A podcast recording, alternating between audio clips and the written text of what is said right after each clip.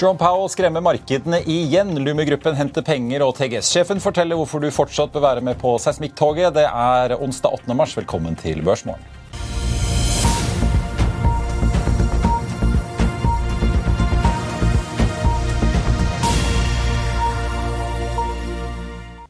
En riktig god morgen og får vi si gratulerer og velkommen til Børsmorgen her hos oss i Finansavisen på kvinnedagen 8. mars. altså.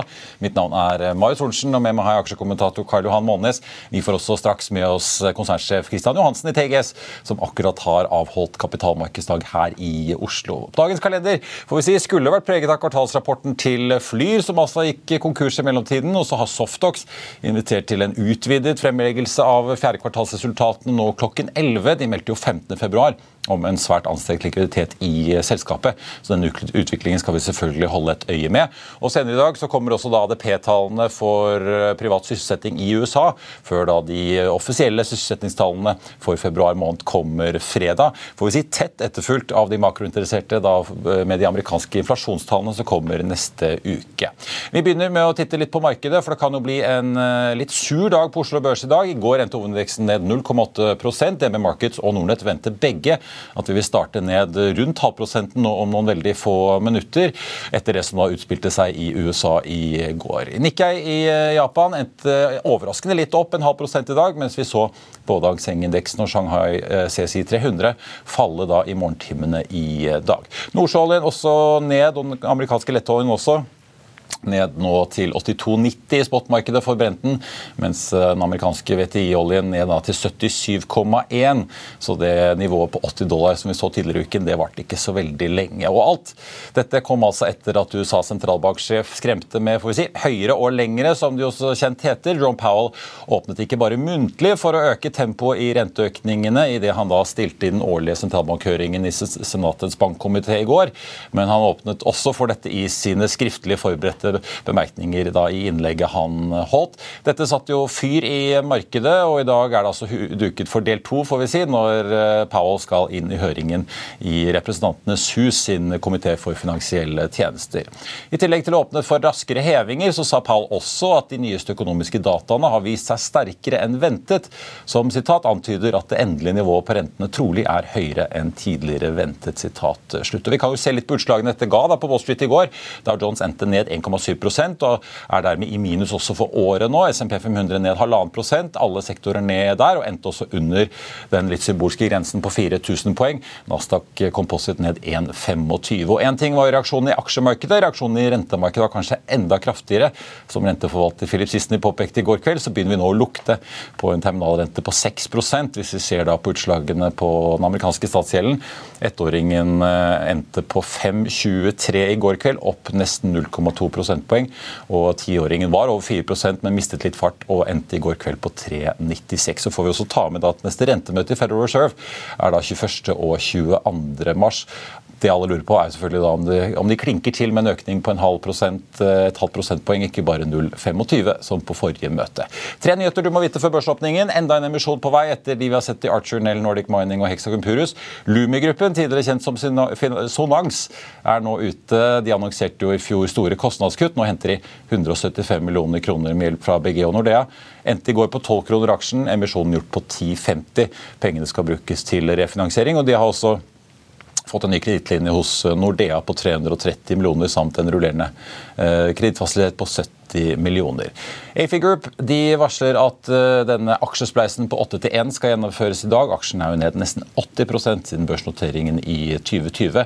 Også for de som følger med på Kjell Inge Røkkes Aker, så er det jo også verdt å merke seg at Røkkes eh, eget, egne for si, privateide selskap TG Energy trekker seg ut av South Deepwater Tano-blokken i Ghana. Det kom også frem en melding fra selskapet i går, men Aker opplyser at Aker Energy blir i sin lisens, der de altså sitter på dette pekanfunnet. Hvor PUD-fristen eh, hos lokale myndigheter får vi si, er utsatt til april eh, måned. Da skal vi snakke litt oljeservice og emisjon, Karl Johan. Du kalte jo Archers får vi si, historikk en oppkjøpsfiasko i dagens avis i dag. Tolv år med fiasko. Ja, det var nok ikke meningen det skulle bli sånn, men de har vært altfor aggressive. Kjøpt for mange selskap. og Intensjonen var god. Begynte med 350 millioner i omsetning, og fem år senere var det på 2,1 milliard. og Mye av dette var på land. Altså, der, det gikk for fort, og de måtte ta store nedskrivninger allerede i 2012 og 2013. Nesten 900 millioner dollar. Og Nå står vi her, og folk er veldig overraska over at dette går galt. Men dette er jo et selskap som har tapt, tapte penger ti år på rad. Det er, eh, og nå, De hadde et OK overskudd i, i, eh, i 2022. De har gjort en del oppkjøp fra 2019, så det kan jo hende det ser bra ut. Men nå gjøres det, masse, eh, det gjøres en stor emisjon. Og Bare reparasjonsemisjonen som er planlagt her, har jo flere aksjer enn utestående aksjer eh, på børsen nå. Og, I tillegg så kommer det 619 millioner aksjer i måneden på børsen eh, med kurs 1 krone. Så her at den ikke falt mer enn den gjorde i går, det er sånn kattens lek med musen. Og at eh, robotene og hedgefondene kommer til å trykke dette her ned videre. Og eh, man må være veldig forsiktig. man sitter veldig, veldig, Her blir det nok aksjer til alle.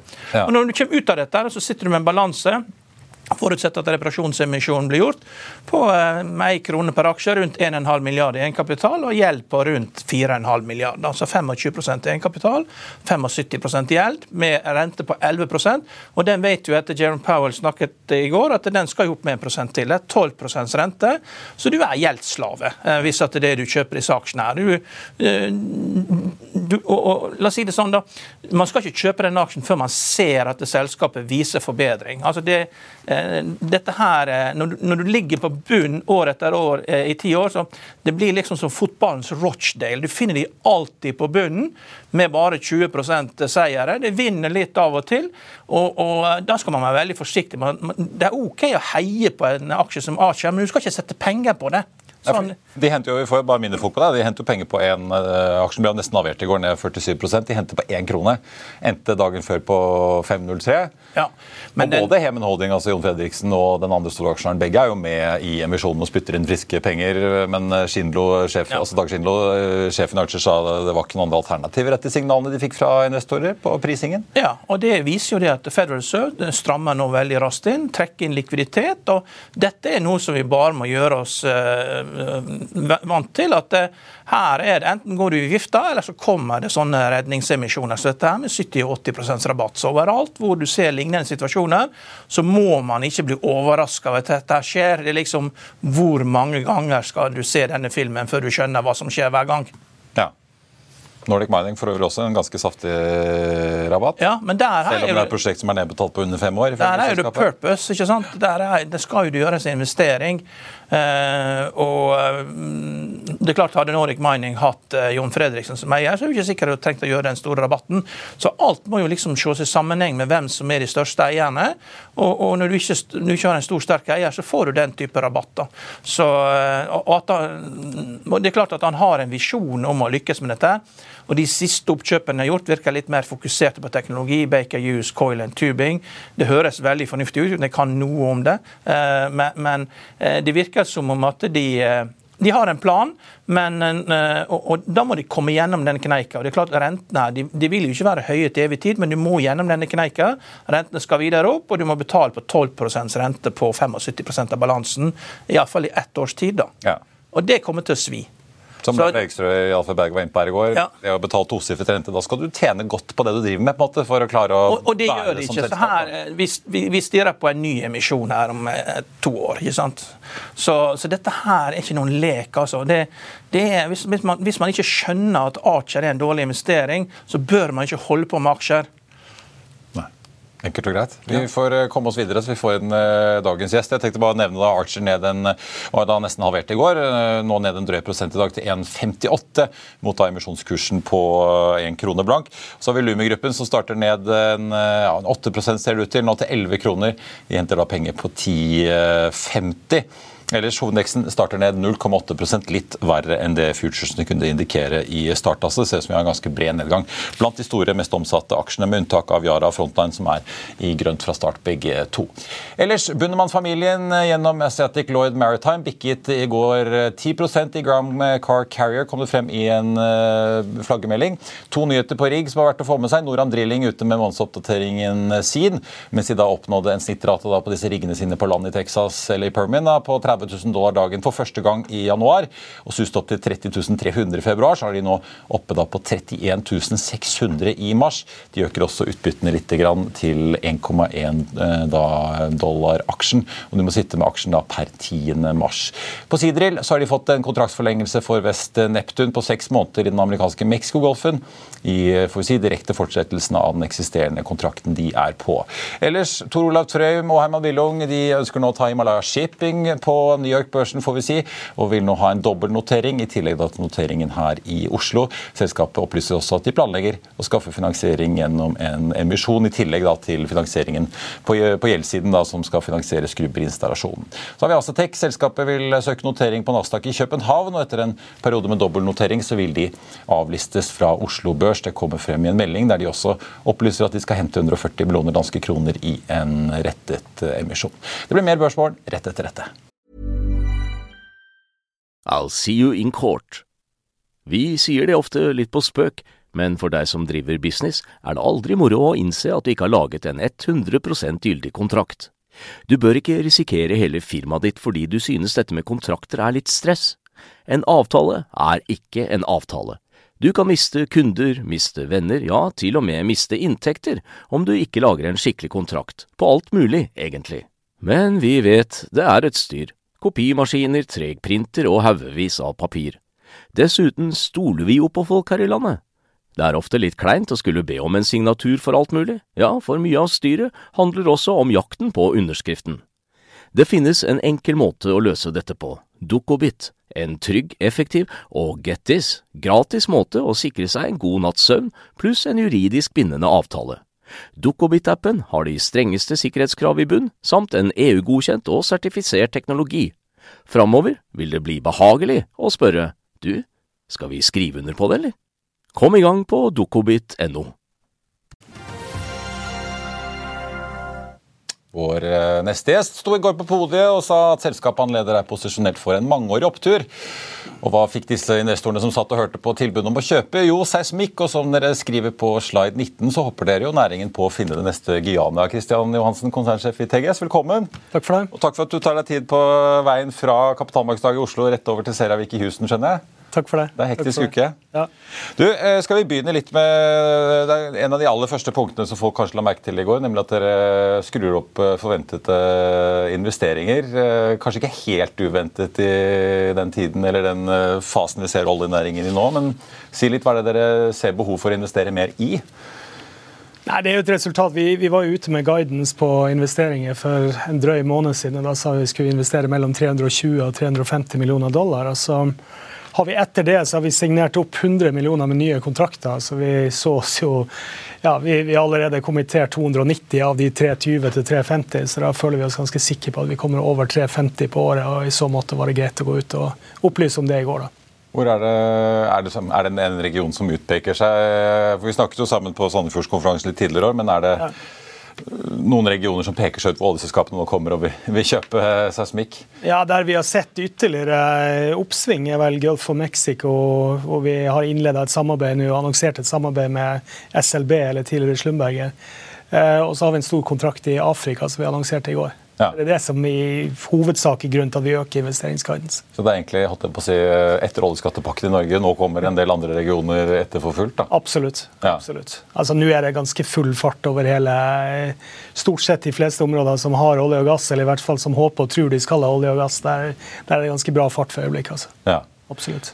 Men sånn, Du har jo ledet selskapet i mange år. Jeg satt i går kveld og så litt over eh, slidesene dere hadde i 2017. for det ja. har jo Bransjen og oljenæringen, men også seismikk, har jo vært gjennom litt av en berg-og-dal-banetur. Ja. I 2017 påpekte dere at uh, pengebruken på seismikk var ned over 60 da fra toppen i 2013, og snakket om at det leter så litt at det må nesten snart komme en opptur hvis oljeselskapene skal klare å opprettholde produksjonen sin. Så fikk vi pandemien i mellomtiden. men Men sånn, i en historisk kontekst, hvor høyt er liksom aktivitetsnivået nå? Nei, Det er jo interessant det du sier. for det er jo egentlig, Vi snakker jo nå om at man egentlig har åtte år med underinvesteringer bak seg. Og åtte år ikke sant, tilbake til ikke sant, Nå fikk man en oppgang i 2022. IMP-spenning var opp 30% i 2022. Men, men, før det så har du åtte gjennomgående år med underinvesteringer. Og det, det gjør jo at eh, de fleste nå begynner å se at det faktisk er for lite olje og gass. Og til tross for at man gjennom covid begynte å tvile på om man i det hele tatt trengte olje så ser man jo allerede nå at etterspørselen er tilbake hvor, hvor, den var før covid. Da. Så um, jeg tror vi, er, vi, står foran en, en, en, oppgangskonjunktur som kan vare lenger enn de, de, tidligere konjunkturene. Det er jo som du sier, det har vært en berg-og-dal-bane. Det, det, er den første til å innrømme. Det har vært noen tøffe år hvor du gjerne har to år med litt oppgang, og så får du tre år med nedgang. Covid var jo i så måte ekstremt tøff for vår bransje, for da var vi allerede inne i en nedgangskonjunktur, og så fikk du covid på toppen av det. Mm. Men det tror vi gjør at det tvinger seg frem et investeringspress nå, og vi begynner allerede å se at kundene våre også begynner å ta et litt lengre perspektiv. Karl jeg var jo litt inne på det med renter. Eh, fortell litt, Hva slags selskap er det du får hvis du kjøper TGS nå? Da? For Dere skriver jo selv gjeldfinansiering er dyrere og mindre tilgjengelig for eh, bransjen enn det det var før. Dere har tatt ned gjelden. Eh, lånte nå med et påslag på rundt eh, tre poeng. Eh, men du lover jo også en, liksom en potensielt ganske stor økning i fri kontantstrøm fremover.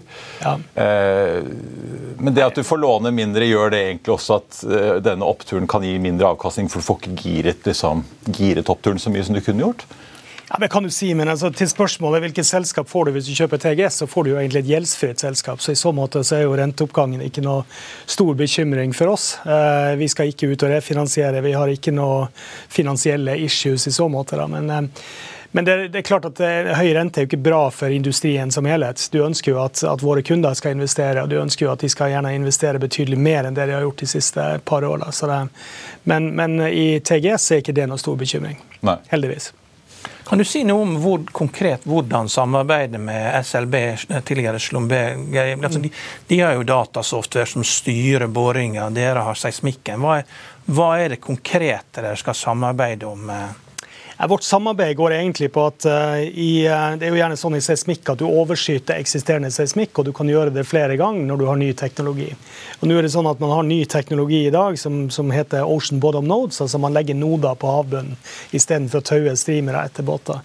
Og, For å gjøre det så er du gjerne avhengig av å ha underliggende seismikk. Og Slumberger har mye mer underliggende seismikk enn det vi har i Gulf of Mexico. Så vi har allerede et samarbeid som dekker ca. en fjerdedel av Gulf of Mexico. Men det vi annonserte i går, og som jeg sier i, i, i gårsdagens presentasjon, det er en stor avtale for oss. Strategisk betyr den ufattelig mye, for det er ikke de neste to eller tre år, det er de neste ti år. Men det betyr egentlig at hele Gulf of Mexico, uh, uavhengig av hvem som har underliggende data, kan vår joint venture, altså Slumberger TGS, kan gå inn og overskyte det med noder. Ja. Som kjent så har vi kjøpt Magsize, så vi er jo veldig godt posisjonert med at vi har utstyr og teknologi. og De har mye underliggende seismikk, og sammen så skal vi merge det. da. Men uh, Fortell litt også om uh, båtsiden av dette, for dere er jo ikke båter. Uh, mm. jeg, jeg, ble fortalt av en rutinert mann i næringen som har vært mange år i Houston, som var og hørte på seismikkpanelet til Sparebanken Markets energikonferanse mm. i forrige uke, mm. at der sitter altså i gåsehudene alle de omtrent som eier båter, Sharewater og PGS. De har jo nesten samlet alt sammen og snakker om at ja, de kunne godt få opp inntjeningen litt, selvfølgelig med et glimt i øyet. Men det er jo en veldig konsentrasjon på skipssiden. Ja. I meldingen i går så sier dere at uh, dere har inngått en avtale med, med Kosel. Ja. Betyr det at dere egentlig klarer å omgå disse to veldig store aktørene i markedet for å få tilgang til skip, eller? Ja, altså Det er jo en måte å, å, på en måte forsvare seg mot det. da. For det er klart at Du har en veldig konsentrasjon. Du har jo et marked som hadde 54 båter tilbake til 2015. Og, og det var ca. 15 i dag. Og de 15 båtene kontrolleres egentlig mer eller mindre av to aktører. Så for oss så var det en, en, eh, ja, en måte å diversifisere oss litt på, gjøre oss litt mindre sårbare. i Så måte. Så vi har inngått en langsiktig avtale med Kosel hvor de skal levere båt til oss når, vi skal gjøre streamerseismikk. Men det er eksisterende skip? Det er ikke noe nytt som skal bygges? Det er ikke noe nytt som skal bygges der. Nei. Nei. Ja. Det er jo en, det er en uh, aktør vi har jobba mye med tidligere også, så det er bare en formalisering av et tidligere samarbeid. Men det er jo en du kan si en, en langvarig avtale. Men kan det legge et press på dere hvis nå ratene gitt at det er såpass konsentrasjon og såpass også mye færre skip enn det det var for noen år siden? Ja. Kan det legge et press på dere hvis konkurransen om tilgangen på disse da, 15 skipene som er igjen, eller hva det er, blir så høy ja. etter hvert nå? Hvis du ikke bare er eh, børsnotert oljeselskap, men du begynner å få de statlige ja. oljeselskapene som uh, kan ha en ganske god betalingsvilje også? Ja, altså det er jo... At dere på en måte havner i midten der og det er et veldig godt spørsmål, og det er jo litt av det som er bakgrunnen til at vi inngår denne avtalen med Kosel. For vi, denne avtalen er jo på fixed prices over, eh, over en tre- til femårsperiode. Så vi, det betyr at vi har god visibilitet på hva vi har av kostnader fremover. og det, vi, ja, Bakgrunnen er at vi ønsker å unngå den skvisen som du refererer til. Snakk litt om på en måte, hva dere opplever oljeselskapene faktisk gjøre på bakken nå. Da. For Dere skulle jo, har jo åpenbart fått noen bestillinger som gjør at dere skrur opp guidingen. Mm. Men dere nevner jo konkret uh, hvordan Shell og BP har endret på en måte, uh, ikke bare uttalelser, men uh, nesten væremåte, virker det som. Vi så. BP-sjefen komme nå på sin kvartalsprestasjon og ikke skulle de kutte oljeproduksjonen med 40 innen 2030 lenger. Nå var det bare, bare 25 ja. Men er det en, en, veldig substansiell endring som skjer på bakken? Altså Både i seismikk og ellers? Ja, det er jo det, og du ser jo det i samfunnet for øvrig. ikke sant? Det er jo ikke mer enn et år siden uh, at du knapt kunne si at du jobba i olje og gass. ikke sant? Det var liksom sett på som, som veldig negativt. Og så tror jeg liksom den energikrisen vi har vært igjennom, har på en måte Folk har fått litt øynene opp for at det her er, det er noe som vi, vi fortsatt trenger, og, og, og, vi har kanskje for lite av det. Og vi kan gå inn i en ny krise hvis vi ikke leter mer og ikke produserer mer. Så jeg tror at etter hvert så har man fått et litt mer sånn edruelig syn på det overall. og Det tror jeg også gjør at oljeselskaper har mer confidence til å, til å gå ut og si at de faktisk skal investere. Ja, for det jo, eller kan jo endre ting ganske betydelig hvis store giganter som Shell og BP faktisk endrer kurs. For det er jo litt så store oljetankene når de først snur, så Absolutt. kommer de jo med en voldsom fart. Absolutt. Og så kan du si at En del av de store de har kanskje ikke stoppa å investere så mye som mange vil ha det til. Altså de, de har, eh, En ting er hva de sier, en annen ting er hva de gjør. Og Når det gjelder Shell og BP og Exxon og Chevron, så, så har de egentlig investert ganske langsiktig også gjennom den, den sykelen hvor de sa de skulle redusere. Mm. Så, eh, men jeg tror du kommer til å se veldig positive effekter fra mindre oljeselskaper, fra, fra statlige, som du sier. Altså du, du får en fremgang nå på hele på eh, across the board, og det, det, tror jeg er veldig positivt for et selskap som TGS. Kan vi snakke litt om dere på en måte som også for så vidt PGS har vært åpne på. Dere satser jo også på nye ting som eh, kommer. Dere har eh, vindmålere med LIDAR-radar stående utenfor mm. kysten av USA. Skal sette ja. ut flere, ser jeg. Ja. Eh, er det det som blir det store? Dere har jo også kjøpt opp et selskap som driver med styring av solparker, mm. som er noe helt annet enn seismikk ute til havs. Ja. Men blir også karbonfangst og kartlegging av undergrunnen på det en stor business for dere, tror du? Ja, Det gjenstår å se om det blir en stor business. men altså det markedet der kommer til å bli stort etter hvert. Men det kommer til å ta litt tid før det skjer. Så i, Når det gjelder karbonfangst, så sitter vi foreløpig og avventer litt og ser hva markedet, hva markedet sier, og når det er klart til å, til å, bli store investeringer. Når det gjelder vind og sol, så er jo det og det er jo litt det vi var inne på i går. ikke sant, at, at vi trenger mer energi, men vi trenger mer av all energi. altså Uavhengig av hva det er. Enten det er sol eller, eller vind eller geothermal eller olje eller gass, ikke sant, så trenger vi mer. Og TGS er jo et dataselskap, vi er jo ikke et oljeselskap. Så vi er jo ikke spesifisert nødvendigvis på data rundt olje. Vi kan også gi data på vind og data på sol, og, og data for den saks skyld som vi allerede har på CCS og, og geothermal. Mm. Så, så, det er jo litt av tanken at vi skal kunne investere across the energy value chain, og det er jo litt av bakgrunnen til det vi gjør. Men dere er jo store i Gulf of Mexico eh, og selvfølgelig har jo base i Houston. Ja. Eh, nå har vi jo Northern Lights og en del prosjekter her hjemme. Vi ser eh, Wintershall skal mm. nå samarbeide med belgiske Flexus også om CCS. Mm. Og vi har jo selvfølgelig det norske prosjektet med Total Equinor. Men jeg så Darren Woods Exxon på Seravik i går. Snakket også om deres prosjekter. Og det begynner å bli ganske store prosjekter i Louisiana Texas hvor de skal lagre mye CO2 under bakken. Gitt posisjonen dere har i Mexicogolfen, kommer dere også inn der nå? Jeg ser jo også det skal utlyses en havvindauksjon i Mexicogolfen nå. Ja da. Og det, Klarer dere liksom å beholde markedsposisjonen? Ja, du kan si at Det er jo, det er jo fordelen med seismikk. ikke sant? Det er jo at Du har, du har allerede eksisterende data. I, i, så måte, så Den dataen kan du også bruke på, på CCS. ikke sant? Du, seismikk det bruker du jo normalt til å finne fulle reservoarer hvor det er olje, men du kan også bruke det til å finne tomme reservoarer. Det er det du skal bruke til, til CCS. da. Så vi har produktene allerede. og I så måte så er det en kjempespennende marked, men det kommer til å ta litt tid før det liksom blir en, en kommersiell modell for oss. Men, men det er absolutt veldig interessant. Det bruker jo å ha et årlig strategimøte der alle kommer med sine ideer. Så legger de plansjene på bordet. Mm. Og eh, Jeg vet ikke når dere sist hadde når dere skal ha det, men når dere skal lete etter det nye Guyana, ja. så hvor er det på kartet dere tror dere finner det? Ja, Det er nok eh, altså Det er jo som en av mine kollegaer sa i går. Eh, letteste plassen å finne olje hvor du allerede har funnet olje før. Så akkurat nå så ser jo alle rundt området rundt Guyana på samme del av, av marginen, men også på andre sida. På andre sida har du Namibia og du har Vest-Afrika. Så jeg tror at den der sydlige Atlanterhavsmarginen, der er det alle veldig keen på. Der er det mye trøkk, og der ønsker alle å finne neste Guyana. Det var mange om bein i lisensrunden i Guyana som skal avholdes nå, ja, ja, ja. leste jeg. Etter at Exxon har eh, gjort en ordentlig storeslem. Absolutt. Absolutt. Eh, til slutt bare litt på det med, med Hvis du sammenligner karbonfangst versus vind. Vi hadde besøk av PGS-sjefen eh, for ikke så lenge siden. Han var ganske åpen på at i marginene på CCS, for der er det oljeselskaper som er kundene. Der har du omtrent marginer som i olje. Litt mer usikker på hvordan det blir i havvind fordi du møter litt andre aktører. Ja. Hvordan opplever dere det når dere skal dyppe tærne ut i nye inntektsstrømmer? Jo, det er klart at det tror jeg mange blir jo litt sånn overraska over hvor lite penger det er i forhold til, til, olje og gass. Olje og gass er stort. ikke sant? Og Hvis du ser på liksom energimiksen overall, så er jo olje og gass representerer 40-50% mens vind fortsatt er en veldig veldig liten del. ikke sant? Så det, det er ikke overraskende det at, at det kan komme til å ta tid før man begynner å tjene penger på de initiativene som er utenfor olje og gass. Eh, vind er jo et godt eksempel på det. Men nå er det faktisk sånn at TGS tjener penger på både vind og sol fordi vi kjøpte selskaper som var relativt lønnsomme. Så I så måte så, så, eh, så tjener vi penger på det. og Det er også målsettinga at vi skal levere positiv cashflow på den delen av porteføljen. Men det er på langt nær så bra som olje og gass. Og det blir kanskje noen større utbytte fremover hvis eh, prognosene for kontantstrømmen din holder seg? Ja, vi må, vi må, jo håpe det. At eh, vi skal kunne klare å betale. Det er jo målet, at vi skal kunne betale et økende utbytte år for år.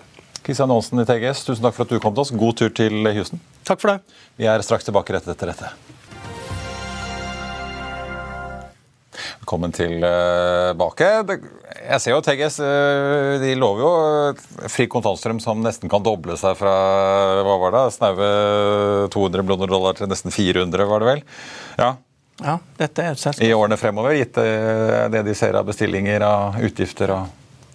De, eh, det virker jo å være god butikk om dagen. De bruker jo ikke å love mye, men de leverer jo alltid gode tall. Mm. Så men for så vidt interessant, for uh, Det skjer jo ting på CCS og havvind, men det er fortsatt veldig lite. Så vi får se. Ja. Men jeg, i hvert fall, jeg bet i hvert fall merke at når Exxon-sjefen driver og snakker om det, og du begynner å se på tallene for hvor mye de skal lagre, ja. så begynner det fort å fort komme på nivå med det norske. Det er mange millioner tonn eh, som skal begynne å komme nå i Louisiana ja. og Texas. Altså. Ja. Så det skjer ting. TGS er jo selv 24 milliarder market cap. Da. Så de, de, de, skjønner jo det er et lite selskap. De går ikke inn i noe uten at de har en edge. ikke sant? Nå er det nordisk seismikk, og det virker som at når de da linker opp med Slumberger og uh, Gulf of Mexico er jo kjerneområdet, fordi det, der har jo de gjort det veldig bra. Kan de finne noe nytt å gjøre så bra der, så er det fokus på det som går bra fra før. og ja. Det du kan fra før, og alt det andre er jo hyggelig å holde på med, men eh, det blir ikke sikkert. Det kan hende det blir andre selskap som kommer og tar, tar seg av det. Vi får uh, følge med. Ja. Og om de blir sittende med dette Predikator som driver med solparker på land. Ja. Uh, mye i TGS-butikken om dagen. Ja. Men skal vi snakke litt uh, Jerome, eller dag én av to dager med høringer i Kongressen er ferdig. Og det støtter å skremme vettet av en del investorer, for det var ganske store utslag, og særlig da rentemarkedet i går. men nå er han ferdig med Senatet, som er leder av Demokratene, og nå kommer han til Republikanerne. Og de vil jo at han skal stramme inn så mye som mulig, slik at det blir nedgangskonjunktur til valget neste år. så, så de blir kvitt uh, Uncle Joe? Ja, ja, ja, nei, det er jo uh, nedgangskonjunktur der. It's the economy stupid. Du kan vinne kriger, det spiller ingen rolle. altså det er It's the economy stupid. Det, og Vi er jo på vei dit med de innstrammingene som skjer og, i, i, pengepolitikken. og Sånn som Fed med quantitative tightening og renteøkningene. Så, så det blir vanskelig å bli gjenvalgt. Så jeg tror nok det blir en litt annen dag. da. Elizabeth Warren eh, lurte på om det var nødvendig å sende to millioner mennesker ut i arbeidsledighet. Og han spurte skal vi gjøre ingenting. ikke sant?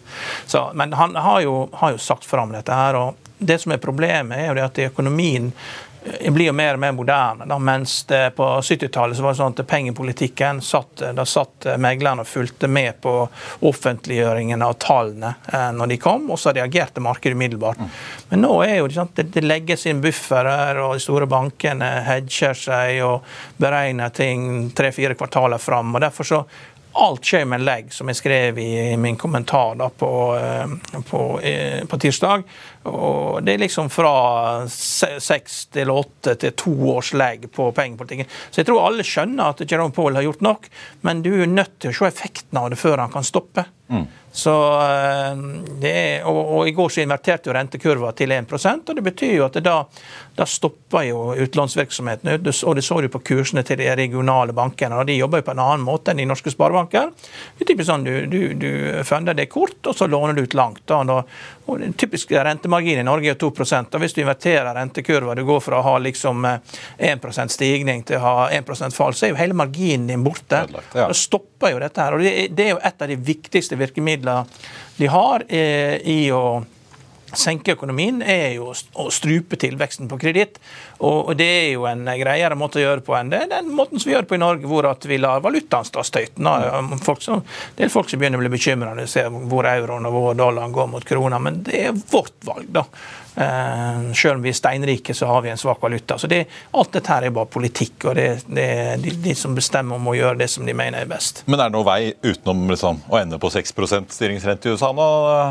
Jeg vet ikke hvor det ender, men jeg vet det at Har vi jo en halvannen prosentpoeng til å gå på? Det er én ting som er positivt med dette, det er jo at de eh, det angriper jo eh, shadow banking-systemet. At det går sånn som vi hadde den store bilforhandleren eh, som ikke fikk reforhandlet lån på 222 millioner dollar, og så er det York Capital Management. Da, da går det ned. Altså, det virker som at det går mest utover shadow banking-system og, og, og, utstedelse av eh, sånn derivatprodukter i, i rentemarkedet. At det, det, det, er de som sliter mest. for det, det er der kapitalen eh, det, det der kapitalen eh, stopper opp først. da. Så, det, så vi eh, Men det store spørsmålet er liksom når er det dette går utover en stor kredittinstitusjon, for da er det slutt. Mm.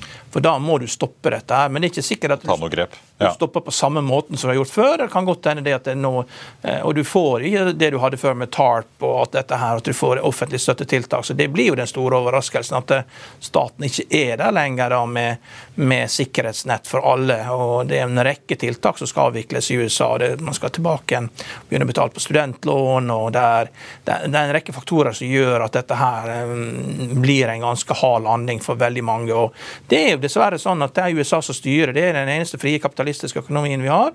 og, og det der, det, Alle signalene kommer derfra. Jeg skulle jo ønske det at det var andre land som kunne stille opp, men, men verken Kina eller Russland eh, er noe sånn spesielt dynamiske i å gi ja, Kina kom jo å ta en uh, etter partikongressen om nye innstramminger ja. Eh, her i går, så det ser jo ikke ut til at det går riktig vei. Men jeg bet meg merke i bankaksjene i USA fikk kjørt seg ganske mye eh, i går. Er det, Spesielt de regionale. Det med, eh, en, er det tegn på konkursfrykt? Nei, det, det går på invertering av ja, at, lån, at, låneveksten stopper opp. Da, lån, det, det, det er det det går på. For det, det går ikke på kredittkvalitet ennå. Vi får ta med at flyaksjene gjorde det bra i går, men det var ikke pga. Jerome Powell. Det tror jeg var pga. at Justisdepartementet går til sak for å stanse JetBlues oppkjøp av Spirit. Ja, de da puster de kanskje lettet ut i de Delta, American og de, United. De vil at de som har lite penger, skal få lov til å ha sitt eget flyselskap. og Det har jeg all sympati med. Det er jo ikke dyrt å fly. Hvorfor skal liksom eh, Det er liksom eh, Det er ikke dyrt å fly? Det, det, det, jo, men det er ikke, det, det er ikke rørende billig å fly rundt i innenriks USA? Nei, det er sant, men, men det er likevel det er value for money. da, og, og uh, Spirit Airlines og JetBlue det er jo liksom, Hvorfor skal de Jeg håper jo det at de beholder forskjellige brands uansett, da, hvis de hadde gått sammen. For det er jo to forskjellige ting. Ja, ja. Vi får uh, følge med. Ellers, uh, Rivian ute og henter 1,3 milliarder kroner. Endte ned nesten 15% i går, så det skjer jo ting i elbilverden verden nå. Virker ja. som de forbereder seg på at det blir litt tøffere kår fremover. Ja. Så ja. Veldig bra. Ja. Weight Watchers også opp 70 etter oppkjøp av en sånn telehelseplattform. Så ja, men det, det, disse farmaselskapene, Nå er det diabetesmedisin til vekttap som er det store. Ja, det er, det er linkage-program til sånn, det er alle som fedmemedisin, som også Nevemedic holder på med i Norge. Da. Så det er jo, det er jo uh, Novo Nordisk og uh, og Eli Lilly. Men jeg tror ikke det gikk noe utover kursen til Eli Lilly og uh, Novo Nordisk. Så, så, det er jo bare mer av dette her. Og, og ja, så jeg, jeg, jeg, kan ikke alt detaljene, men jeg tror det Weight Watcher var ganske langt ned før. Eh, ja, De har slitt litt tidligere, da, så vi får ta med, ta med det også. Veldig bra. Eh, noen nyheter på tampen. I Sikkerhet Petroleo, som jo sammen med BV Energy for så vidt har slitt litt med disse brasilianerne som både innfører avgifter og det ene med det andre, og har eh, bedt om stans av Petrobras-salg. Eh, 70% av støttekjøpene i Sikkerhet Petroleo er nå unnagjort da, etter åtte handelsdager på børsen. Støttekjøpene har jo da utgjort eh, nesten halvparten av det daglige volumet i aksjen fra noteringsdagen eh, til da fredag i forrige uke. Og så får vi jo bare si at eh, pass på, fordi at eh, kursen kan jo få seg en liten eh, knekk da når støttekjøpene ikke er der lenger da i regi av ABG Sundal Collier. Vi får bare ta med at eh, det er eh, litt omsetning i aksjen i dag. Den ligger på 4,70, ble da tatt på børs på 6 kroner, ned fra den opprinnelige prisen på 10 kroner. Og så har vi Archer, eh, da. De ligger faktisk opp nå 1,25% til 1,62. Så får vi se om Karl Hans advarsler om at den skal ned, treffer og hvor fort det treffer. Lummi-gruppen ned 8,3% da til 11 kroner fortsatt. Henter penger på 10,50 i dag. Hovedindeksen ned 0,4. Tre analytikeroppdateringer som også har kommet. Arctic Security Securities har regnet på Kitron. Jekker opp kursmålet der fra 28 til 34 gjenta hold. Den aksjen endte i går på 33,70. Og TGS, da, som vi akkurat hadde besøk av, Sparebank Markets oppjusterer kursmålet med en tikroning til 2,20 da etter kapitalmarkedsdagen i går. Gjenta kjøpsanbefalingen.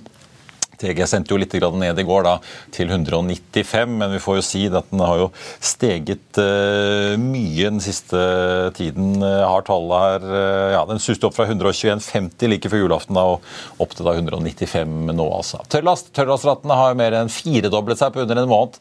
Fra årsskiftet så stupte jo ratene fra 20 til rett under 3000 dollar dagen i midten av februar. Langt under da de rundt 14 rederne krever for å gå i null. Cape Size noteres i dag til 11.800. Og Det var børsmålen for den 8. mars, kvinnedagen også. Husk å få med deg Økonominyhetene 14.30. Da blir det mer om det. Og vi skal også få besøk av ABGs Håkon Amundsen, som skal snakke om Nell og oppkjøpet av COA7 i regi av Subsea 7. I mellomtiden så får du siste nytt på F1 og gjennom hele børsdagen, inkludert av nyheter eventuelt da fra Softox, som kan komme i elvedraget. Ha en riktig god børsdag alle sammen. Vi ses.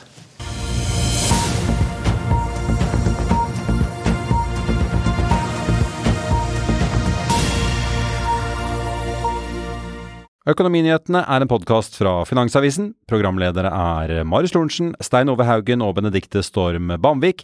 Produsenter er Lars Brenden Skram og Bashar Johar. Og ansvarlig redaktør er Trygve Hegnar.